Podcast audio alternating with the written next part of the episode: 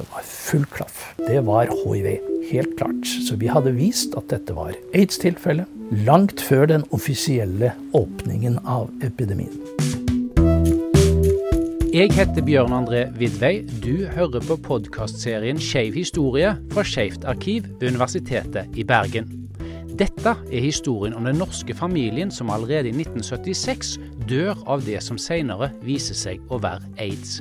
Flere år før den frykta sykdommen gjør seg gjeldende på verdensbasis.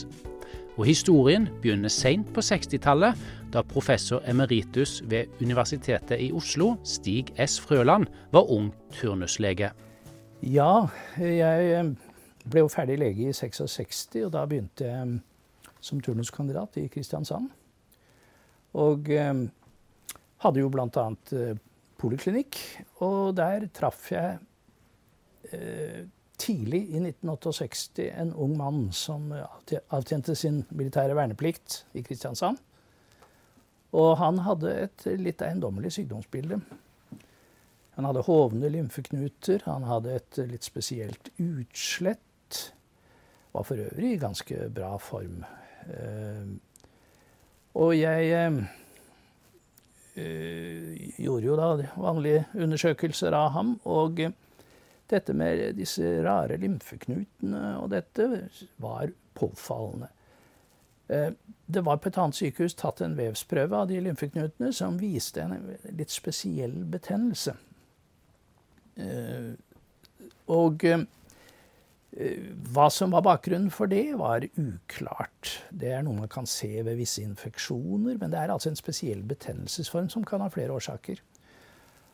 Og eh, han var eh, ganske frisk og kjekk, så det er noe så, det er noen behandling i og for seg følte vi ikke at det var nødvendig å sette inn her da. Så forsvant han fra, fra Kristiansand, og jeg forlot etter hvert Kristiansand, ferdig med min turnustjeneste. Og så gjorde jeg meg ferdig med min militærtjeneste som militærlege. Og så begynte jeg å forske ved det helt nyopprettede immunologiske instituttet, som da het, ble kalt IGRI etter hvert, på Rikshospitalet. Og eh, blant mine oppgaver da var immunologisk forskning. Jeg skulle gjøre en del basale studier av, av immunreaksjoner, og ble etter hvert veldig opptatt av immunsvikt, altså at noen pasienter har en svikt i sitt immunforsvar som gjør at de er et lett bytte for alle slags rare infeksjoner. Og etter hvert var, Jeg var jo laboratorielege da. Laboratorieimmunolog og forsker. Men etter hvert, så pga. min interesse for immunsvikt, så, så, ble jeg trukket inn på Rikshospitalet i klinisk virksomhet. Jeg ble brukt som konsulent, bl.a. på barneklinikken. Eh, når de hadde mistanke om at det var immunsvikt eller svekket immunforsvar. Og der kom jeg over da eh, et, en liten pike som hadde et helt påfallende Hun var bare noen ganske få år. Hun hadde en påfallende sykehistorie med stadige infeksjoner. Både med bakterier og med sopparter osv. Og, og jeg hadde da faktisk satt opp, helt nye i Norge, noen laboratorietester for, for, å måle immunsvikt hos eh, pasienter.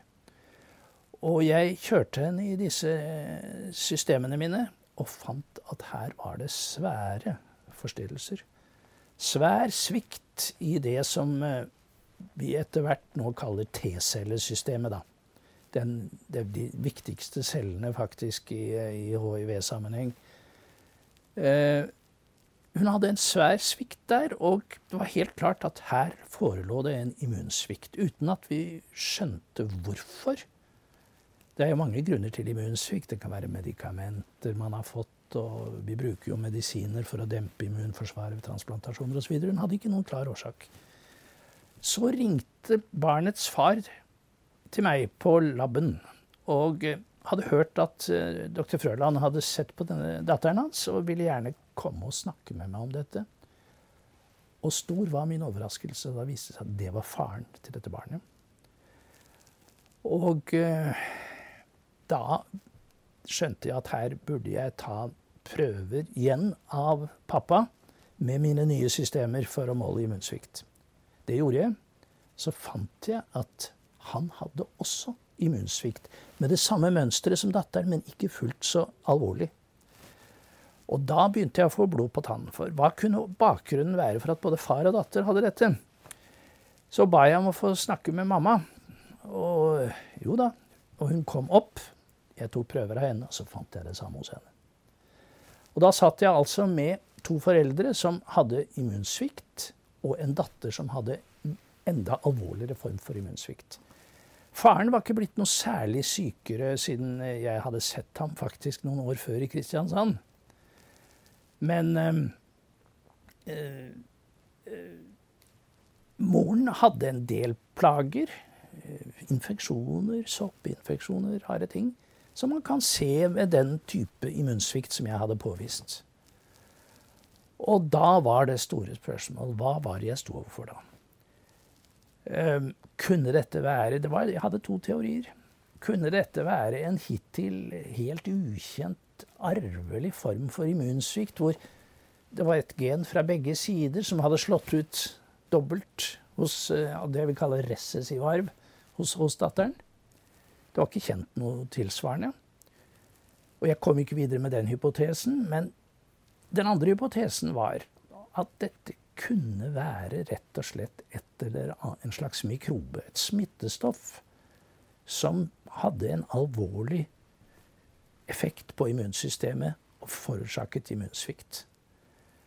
Ehm, så det var en smittesammenheng da mellom disse her. Og det var de store teoriene. Kunne det være et helt nytt smittestoff, eller var det et, et kjent et? Vi har jo forskjellige virus og sånn som kan påvirke immunsystemet, men ikke med så svære forstyrrelser som det kjente vi den gangen. Kunne det være en mutasjon, et kjent smittestoff som var blitt mye sintere?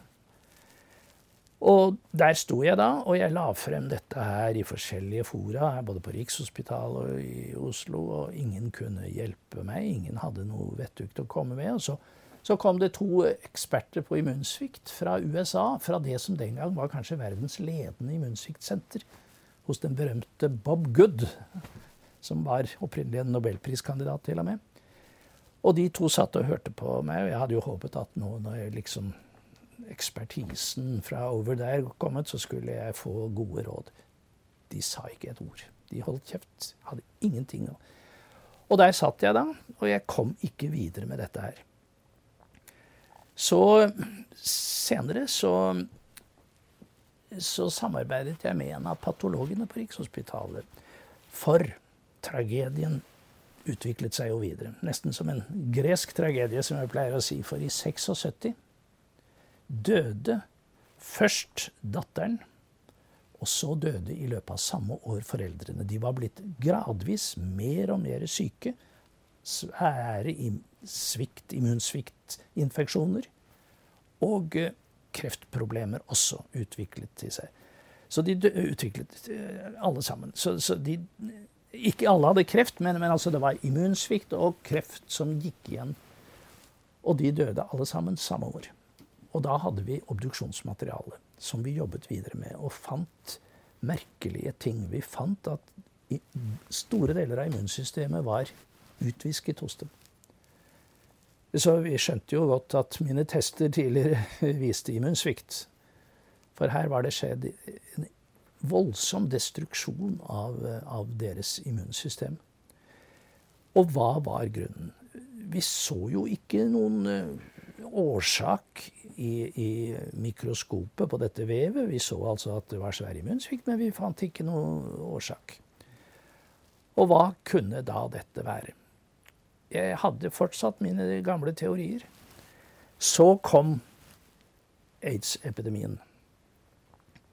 I 1981 eh, ble jo den kjent i USA. Da oppdaget man at det var noe nytt på gang, og jeg fulgte jo med fra første stund. For jeg har jobbet med immunsvikt hele mitt liv. Jeg var jo veldig opptatt av det. Og jeg tenkte at ah, her har vi kanskje det som rammet vår familie også. Og um, da kunne vi jo ikke komme videre. Det tok jo flere år før vi fikk den berømte hiv-testen, altså antistofftestingen av hiv den kom jo først i løpet av 85. Men i første halvdel av 85 var det en av viruslegene her i Oslo som hadde vært på et forskeropphold i Seattle hos en av eh, de som jobbet med aids, en som het Jay Levi.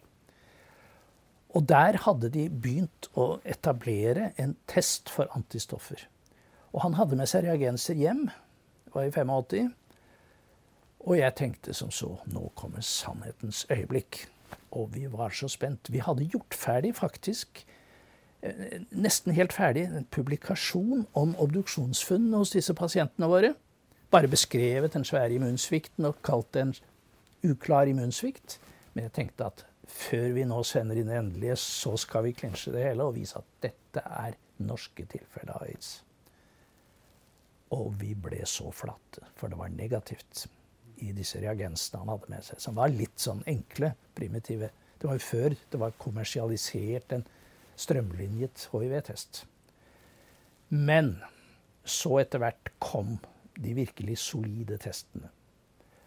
Og jeg hadde ikke gitt opp håpet, og vi testet det om igjen da, etter en tid, og fant at det var full klaff. Det var hiv. Helt klart. Så vi hadde vist at dette var aids-tilfelle langt før den offisielle åpningen av epidemien.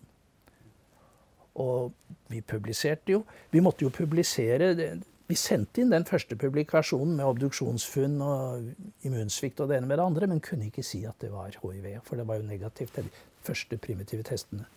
Men da vi fikk endelig vist at det var det, så publiserte vi i Lancet, et annet av de store tidsskriftene som du kjenner. Og det er da bakgrunnen for The Norwegian Family, som i økende grad erkjennes nå som de første veldokumenterte aids-tilfellene i verden. Både hos voksne og hos barn. Så eh, det, det, har jo vært ganske fantastisk, egentlig. Men historien slutter ikke der.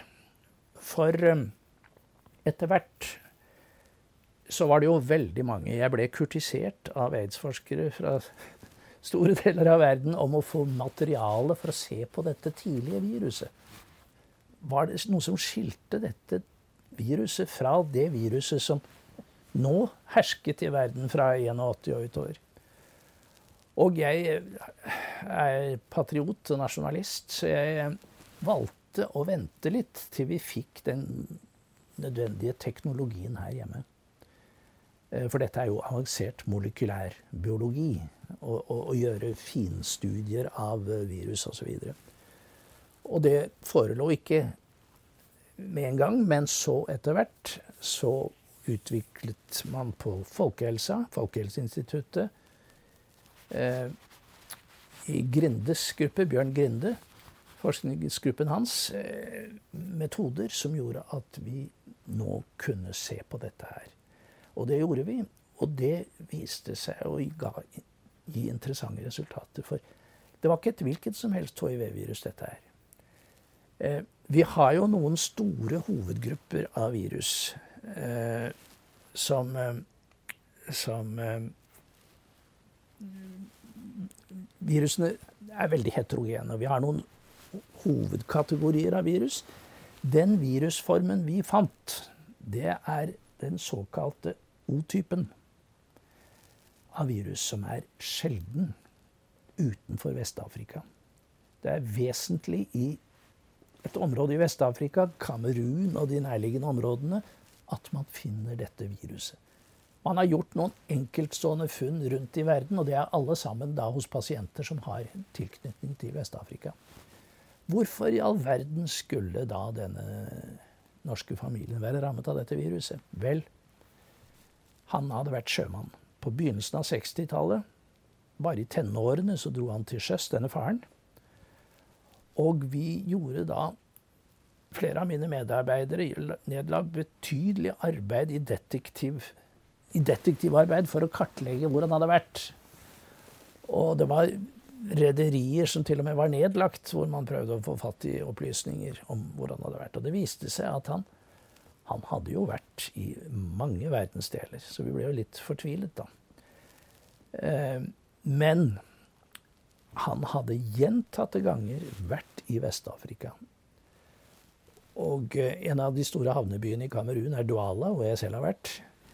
Han hadde vært der flere ganger, og der hadde han bl.a. pådratt seg kjønnssykdommer.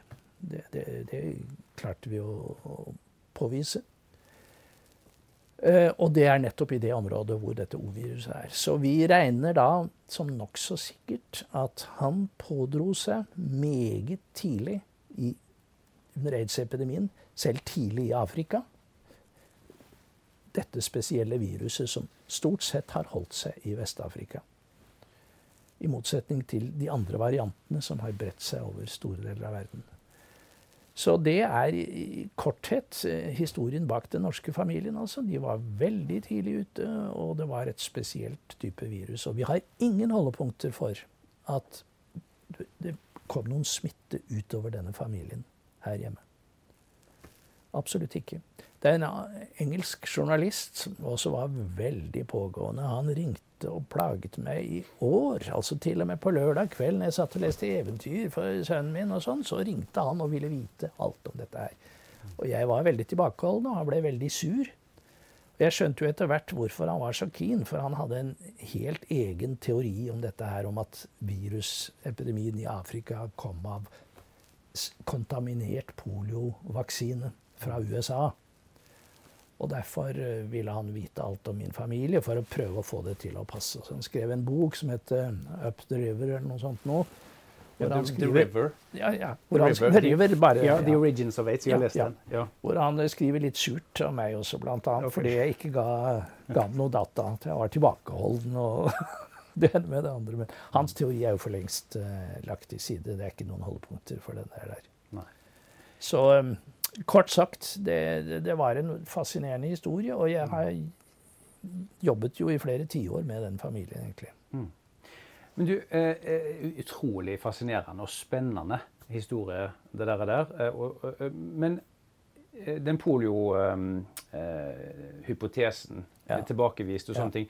Men du som sitter på alt dette av kunnskap og, og erfaring, hva tror du er den mest sannsynlige opphavet til at hiv-viruset hoppet over fra primatene til oss mennesker, eller hvordan skjedde det? Jo, det skjedde som ett av veldig mange, mange eksempler på at mennesket ved at menneskelig aktivitet eh, endrer økologiske forhold, holdt jeg på å si, fører til nye infeksjonsproblemer. Dette er jeg veldig opptatt av. Jeg driver og skriver om det nå. Eh, for vi regner med at eh,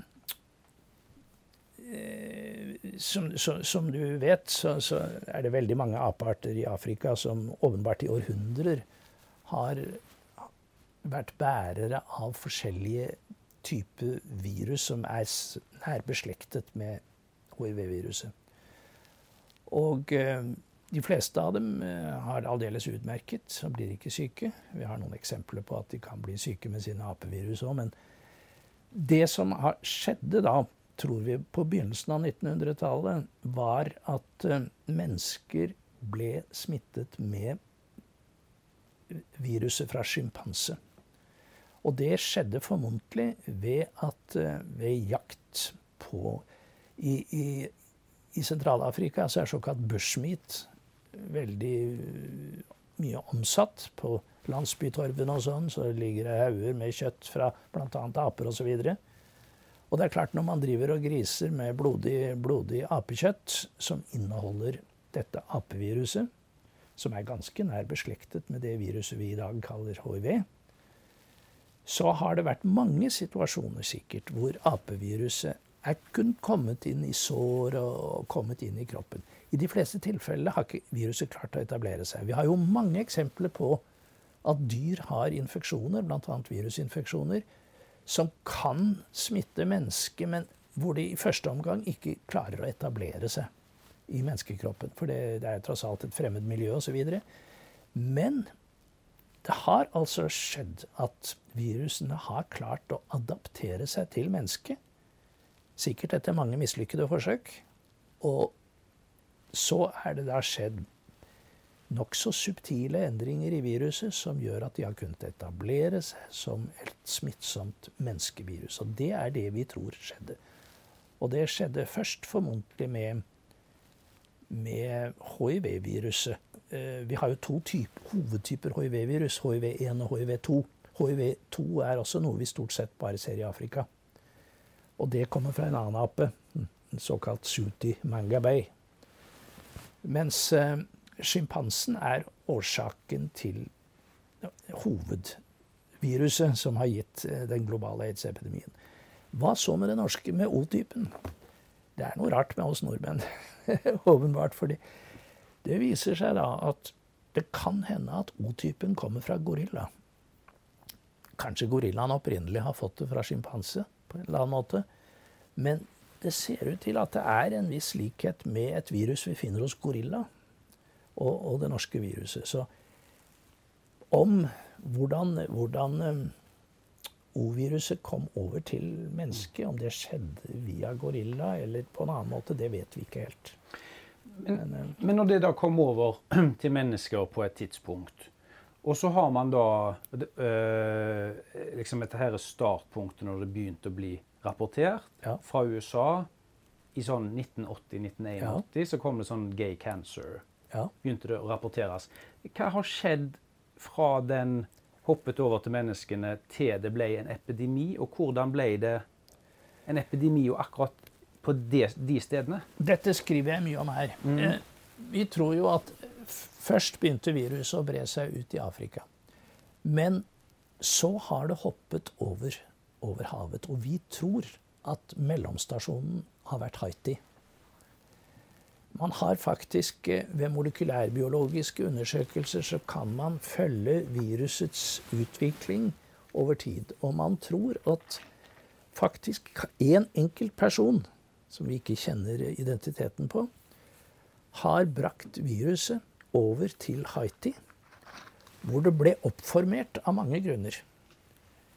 Eh, Bl.a. pga. gamle Du vet det var et diktatur ledet av en kollega av meg, en lege. Babydoc? Pappadoc, ja. Babydoc var etterpå. Og det var et skrekkelig regime. Blant annet så tok hans familie over hele blodtransfusjonsvirksomheten og drev med forskjellige typer eh, maskiner og der. Og vi tror at viruset da kom inn i blodsystemet til og med på Haiti. Sånn at ikke bare spredte viruset seg i første omgang på Haiti seksuelt, men også kanskje via, via blodtransfusjonssystemer. Eh, så vet vi at Haiti var et yndet ferieparadis for amerikanere, bl.a. for homofile eh, afrikanske miljøer. Og vi tror da at man har hentet viruset fra, fra, fra Haiti over da til i første omgang gay miljøer på både østkysten og vestkysten i USA. Eh, og så spredte etter hvert viruset seg da fra, Afrika, nei, fra, fra USA til resten av verden. Samtidig som Europa hentet også virus direkte fra Afrika gjennom de gamle kolonilandenes kontakt med Afrika. Belgia, Frankrike hadde jo hatt kolonier i Afrika, og de så fikk jo da en del immigranter fra, fra disse gamle kolonilandene som gjorde at vi tidlig fikk også i, i, i afrikanske immigrantmiljøer på kontinentet viruset. Så Europa har fått, har fått tilsig både av virus fra, fra USA og fra, fra Afrika. Mm. Så etter hvert har det spredt seg over hele, hele kloden. Du har nå hørt del én av tre av Stig S. Frøland sin fortelling om den tidlige fasen av hiv og aids i Norge. Abonner på Skeivt arkiv sin podkastserie for å få med deg alle episodene. Les mer om oss på Facebook eller skeivtarkiv.no.